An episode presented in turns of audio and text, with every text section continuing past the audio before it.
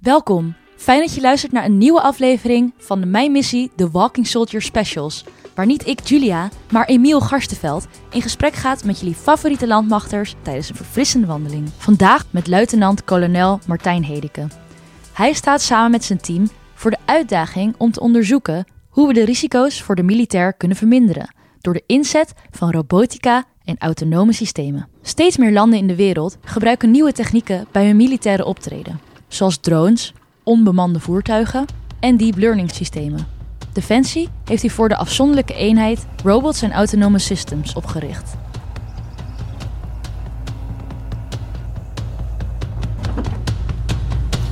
Hoi Emiel, Hey, goedemiddag Ooster, welkom. dank je. Leuk dat u mee wilt doen in deze aflevering. Hey. Gaan we met z'n tweeën of met z'n drieën lopen? Nou, we gaan met z'n drieën. Hebben een van de onbemande voertuigen mee. Dus die, eh, die gaat met ons mee op pad. Moeten we hem besturen of volgt hij ons? Nee joh, begin maar gewoon te lopen, dan gaat iemand ons mee. Ja, ik ben benieuwd.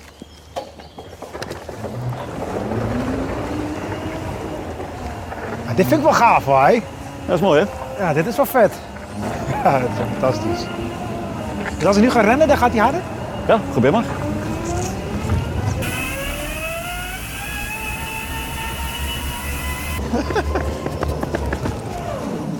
Oh, ja, dat werkt echt wel goed. Waar zijn we eigenlijk momenteel? We zijn nu in Oorschot, de ruiter voor Stevening kazerne. En welkom bij de ras eenheid. Oké, en wat is het geknal wat ik op de achtergrond hoor? Nou, het is gewoon een operationele kazerne, dus je hoort eh, de schietbaan, KKW. Oké, klein kaliber wapens, kleine patronen. Oké, geen probleem. Maar we zitten nu bij de ras in. maar Hoe ben jij überhaupt ooit bij Defensie begonnen zelf? Ja, gewoon als 18-jarige jongen, het was een jongensdroom. Dus eh, to- stoere dingen doen. In combinatie met de studie, ja, dat was dan de KMA. Dus als eh 18-jarige lang model KMA gedaan. Aangenomen bij de artillerie. Nou, vandaar uiteindelijk alle geëikte functies als pelotonscommandant.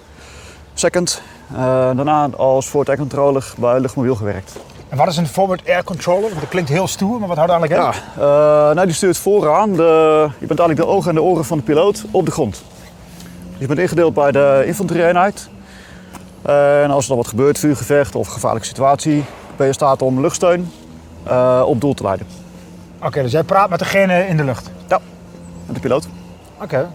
En dacht je toen ook van, hé, hey, daar moeten we wat meer mee in de toekomst? Nou, ik heb dat in Afghanistan eh, live toegepast. Ja, met de eerste uitzending uh, Battle Groep 1 tegen Wood. Wanneer was dat? Eh 2006. Ja, daar was het echt nodig. Dus En hoe bedoel je dat het daar echt nodig was? Nou, de diverse vuurgevechten. Waarbij we nou, in ieder geval één keer live close air sport op doel hebben moeten inzetten om het vuurgevecht te beëindigen. En wat, wat, hoe zet je dat in of wat gebeurde er? Eh, we waren met twee pelotons op pad. Eigenlijk een, een village assessment zoals dat heet. Dus we gingen voor de eerste keer kijken naar de situatie van het dorp. En gaandeweg voelden we al dat het wat dreigender werd. Dus we zagen de vrouwen en kinderen geëvacueerd worden uit het dorp. Dat is een indicator dat het dreigender wordt. Ja, nou, dat doe je niet zomaar. Ik zat dan op een berg samen met het vierde peloton. We waren dan de Overwatch, eigenlijk de, de beveiliging voor het peloton 3, wat dan over de flank naar het dorp toe zou gaan. Oké. Nou, moment dat ik daar zat, ik zag die vrouwen en kinderen geëvacueerd worden. Ik zag links, zag ik, eh, of west, zag ik mannelijke strijders in de looppas naar het noorden toe gaan, naar het dorp. Nou, je voelde al dat het mis zou gaan. Eh, op het moment dat ik het wilde melden, werden we ook direct onder vuur genomen. Zowel onze positie als Overwatch, als ook het peloton wat dan net het dorp was binnengegaan, gecoördineerd onder vuur genomen door meerdere strijders. Nou, dat was aanleiding om zo'n grootschalig vuurgevecht, om daar close air sport van aan te vragen. Een paar minuten later kwam er een Canadese straaljager, een F-18, om ons te steunen. Nou, en toen begon de procedure van eh, de situation awareness. Waar zitten eigen troepen? Waar zit dan de tegenstander? Eh, is het veilig? Waar zijn de vrouwen en kinderen naartoe? Eh, nou, met behulp van de pelotonscommandant, die net uit het dorp terug was, hebben we de, de Koala, de compound, het huis, kunnen identificeren waar vandaan het meest geschoten werd. Die heb ik vertaald naar de piloot. Dus je geeft het coördinator. Hij doet er alles aan om te zorgen dat de piloot het juiste huis heeft. Dat er geen verschil in zit. En toen heb ik toestemming gegeven om een bom te gooien op het huis. Oké. En toen dacht je ook bij jezelf van, misschien moeten we in de toekomst anders gaan doen of anders gaan benaderen. Nou, ik kwam pas later. Ik werd docent forward observer bij de vuurstenschool. En wat houdt erin? Dat je les geeft eh, aan de nieuwe forward observers. Oké. Maar we wisten dat die jongens gelijk, eh, en meiden, gelijk na hun opleiding, vrij snel daarna, ook naar Afghanistan zouden gaan. Eh, mijn eigen opleiding was nou, vooral planmatig ingericht. Dus presenteren van een goed vuursteunplan, goed onderbouwd. Veelal voor een verdediging ingericht. Een beetje het Koude Oorlog optreden. Terwijl in Afghanistan waren we veel meer uh, ja, scenario gericht bezig. Dus het, het, het ontvouwt, het gebeurt. En je moet leren inschatten wat er dan gaande is en wat er nodig is. En minder planmatig werken. Dus eigenlijk hebben we na Afghanistan, uh, met een aantal andere instructeurs ook, die opleiding helemaal herschrijven. Om beter aan te sluiten bij de situatie Afghanistan. En daar kwam dus ook bij, misschien hebben we andere middelen nodig, of andere manieren van optreden. Nou, bijvoorbeeld ook andere houdingsaspecten.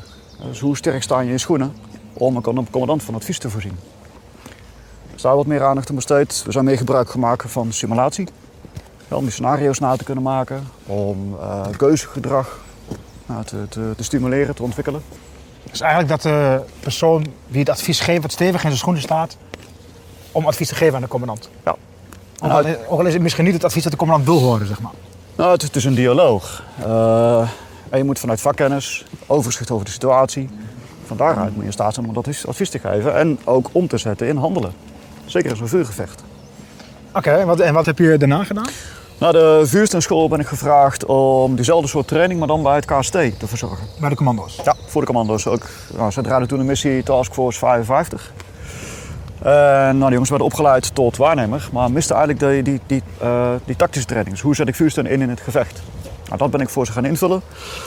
Dus een heel trainingsproject opgezet. Uh, onder andere ook uh, stafofficier uh, air operations mogen doen daar. Uh, functie op het hoofdkwartier in een oefensetting mogen doen. Ja, super toffe tijd. En na drie jaar KST vond mijn vrouw het ook alweer tijd om terug te komen naar iets meer in de buurt van waar ik woon. Dus ik ben toen naar het kenniscentrum vuursteun gegaan. Oké, wat heb je daar gedaan? ik werd daar hoofd doelopsporing en vuursteunintegratie. Dus met z'n drietjes, kapitein en adjudant, werken dan aan de toekomstprojecten voor uh, het Fire Sport Team. Okay, dus daar was je al bezig met innovatie en ontwikkeling? Ja, dus daar denk je aan uh, nou, bijvoorbeeld nieuwe opleidingen en trainingsaspecten. Uh, we hebben een nieuwe simulator begeleid, dat die Fire Sport Teams realistisch konden trainen. Materieelprojecten, dus ik heb de nou, digitale close air sport was zo'n zo thema waar we op gingen investeren. Uh, dat drie jaar mogen doen. Ik heb daar ook een uitzending mee gepakt nog naar Mali. Als Afghanistan was ik echt iedere dag buiten, ja, boots on the ground, tussen de infanterie. Mali was meer een hoofdkwartieruitzending. Oké. Okay. Uh, daar was ik S3, hoofdoperaties van de All Source Information Fusion Unit. Heel wat anders.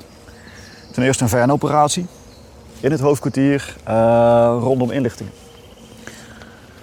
Daar... En toen kwam je terug uit Mali en toen dacht je van, wat moet ik nu eens gaan doen? Ja, wat next? Ik had eigenlijk alles wel gedaan wat ik wilde doen binnen de vuursteun. En gelukkig werd toen voor mij de afdeling Concept Development and Experimentation opgericht. Oké, en wat ging jij daar doen? Nou, daar was ik een van de eerste stafofficieren. Om, nou, wat, wat is dan eigenlijk innovatie? We, we, kunnen nieuwe spulletjes, nieuwe drones, dat kunnen we kopen. We kregen wat geld vanuit de bandbreedte beschikbaar. Maar voor wie willen we nou eigenlijk innoveren? Welk effect moeten we bereiken? En wat er eigenlijk achter zat was de vraag, oké, wat moet ik dan vandaag gaan doen? Zodat ik morgen relevant ben als organisatie. Dan wil ik graag naar voren kijken. Wat zijn dan de nieuwe trends? Want louter het feit dat ik gisteren goed was, wil niet zeggen dat ik morgen ook goed ben.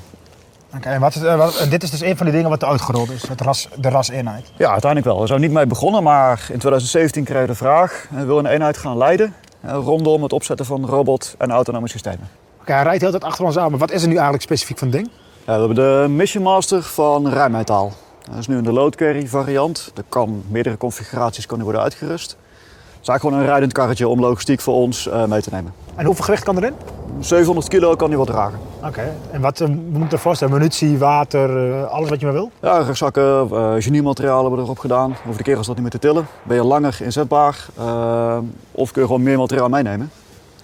Om uitgerust ja, je taak te kunnen uitvoeren. Hoe ver kan je ermee rijden? Volgens mij gaat de batterij 12 uur mee.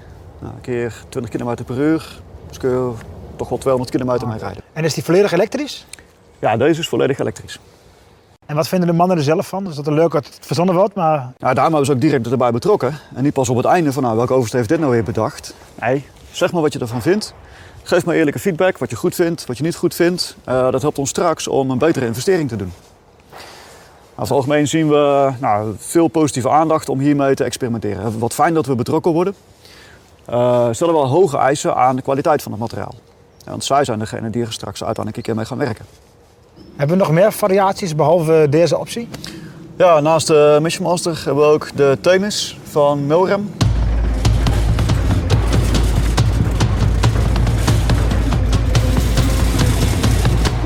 Deze is wel kick, dit is wel andere koek.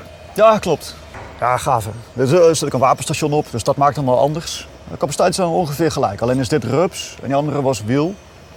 Maar qua prestaties is die nou genoeg gelijk. Dit is diesel? Ja, het is hybride. Dus aan deze kant een dieselaggregaat uh, voor uh, long endurance. En dan laat de andere kant bij waar een accu in zit. Okay. Dus hij zit nu in de elektrische modus, waardoor hij eigenlijk stil kan opereren.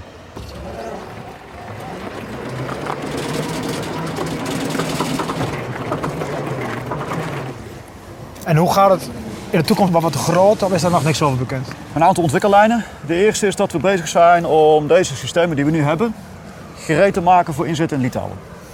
Dat is de ambitie. Omdat we in 2022 met het RAS Peloton verder willen gaan met experimenteren in Litouwen. Oké, gaaf. Ja, er een hoop gebeuren nog voor het certificeren. En daarna dan een gedegen trainingstraject. En dan hopen ze het in de tweede helft 2022 gereed te hebben voor inzet. En worden mensen ook speciaal opgeleid hiervoor? Of wordt gewoon iemand aangewezen van ping jij binnen en... Uh... Nee, het, het, lijkt makkelijk, het bedienen. Uh, maar we hebben echt wel aandacht besteed aan de gebruikersopleiding. Uh, kerninstructeurs, het inrichten van de logistiek. Dat we ook zelf kunnen repareren. want het kost toch wel wat ervaring om die dingen veilig en goed te kunnen gebruiken. Oké, en, en, hoe zit het met de ethische kwestie? Want stel je gaat iets helemaal autonoom doen. Ja. We hebben het doel, schiet maar raak met die voor de knaak krijgen we dan geen uh, rare situaties? Uh, daar hebben we beleid voor. Dat heet betekenisvolle menselijke controle. Dus de mens maakt geïnformeerde besluiten over autonomie, over wapeninzet. Oké, dus het kan plat gezegd nooit zo zijn dat je hem ergens neerzet en dat hij volledig automatisch begint te schieten? Nee. nee. Alleen maar met een buitengewoon zorgvuldig construct eromheen. Van de commandant die verantwoordelijk is, van een gedegen opleiding en training met het systeem van een gedegen test en verificatie en validatie van het systeem erachter. Dan pas zijn we in staat om te zeggen, we vertrouwen dit autonome systeem. Precies. Dus, dus, dus het is zoveel mogelijk autonoom, maar de controle ligt altijd bij de mens. Ja. ja. Oké, want dat is wel belangrijk om te weten, denk ik. Ja, dus we delegeren niet zomaar het risico naar de machine. Het blijft mensenwerk om, om bewust na te denken, waar ben ik nou mee bezig? Waartoe leiden mogelijk die effecten van het autonome systeem? En wat vind je zelf het leukste aan het werken bij de raseenheid? Ja, toch wel die, die passie voor innovatie. Dus het, het, feit dat je iets kunt maken wat relevant is voor de toekomst. Maar ook als ik terugkijk naar de ervaring in Afghanistan, die, die, ja, die, die voelt toch wel zwaar mee. Daar zwaar gevochten, zware hinderlaag meegemaakt. Uh, dat je nu eigenlijk werkt voor iets wat het toekomstige peloton ook moet gaan helpen. Ja, dat ze ook een goede kans hebben om zo'n gevecht te kunnen winnen. Dus dat is eigenlijk waarom ik werk. Wil je ook doorgaan binnen de, dit vakgebied? Ja, ik ben nog lang niet klaar. We zijn nu de stap aan het maken naar wat meer artificial intelligence. Nou, dat, dat begint echt net. Dat zit echt aan de voorkant van uh, wat er allemaal mogelijk is. Dus die, die zou ik nog graag willen doorzetten. Er is nog genoeg uh, carrière mogelijkheden voor jou? Ja, ik begin eigenlijk pas net. het is fijn dat mijn carrière daarmee goed gaat. Ja. Ik vind het eigenlijk leuker om, om dat innovatiewerk te doen. Wij zijn natuurlijk uh, bekend als radarland in Nederland. Daar zijn we heel goed in, qua kennis en kunde. Hoe zit het eigenlijk met de AI in, binnen Nederland? De potentie is er. Maar je moet er ook in willen en durven investeren. We zijn bezig met gestructureerde samenwerking. We hebben dagdagelijks stagiaires over de vloer van Hogeschool Fontes bijvoorbeeld. Uh, samenwerkingsverband met 4 TU. Uh, goed verbonden aan het bedrijfsleven, van start-up tot wat groter bedrijf. Nou, die, die stappen hebben we gelukkig kunnen maken de afgelopen jaren. Dus uiteindelijk is het voor de Nederlandse economie, voor de Nederlandse maatschappij ook goed? Ja. Qua ja. kennis en financiën? Uiteindelijk, uh, de robots kopen nu in het buitenland, gedwongen, omdat we daar geen Nederlandse uh, variant van hebben. Maar die AI, die willen we ook zelf maken. En dat geeft ook aan, deels met militaire capaciteit willen we uitlegbaar zijn over die AI. Maar veel voor de paardplanning, nou dat voorbeeld van die drones, dat kunnen we echt zelf maken. Uh, we moeten ook durven investeren in die capaciteit. We weten dat dat misschien nog nou, twee, drie jaar nodig heeft om echt tot volwassen, volwassen status te komen. Oké.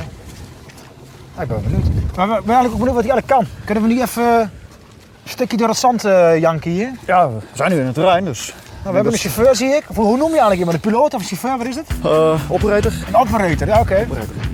Dus die gaat helemaal los nu? Ja, laat maar zien.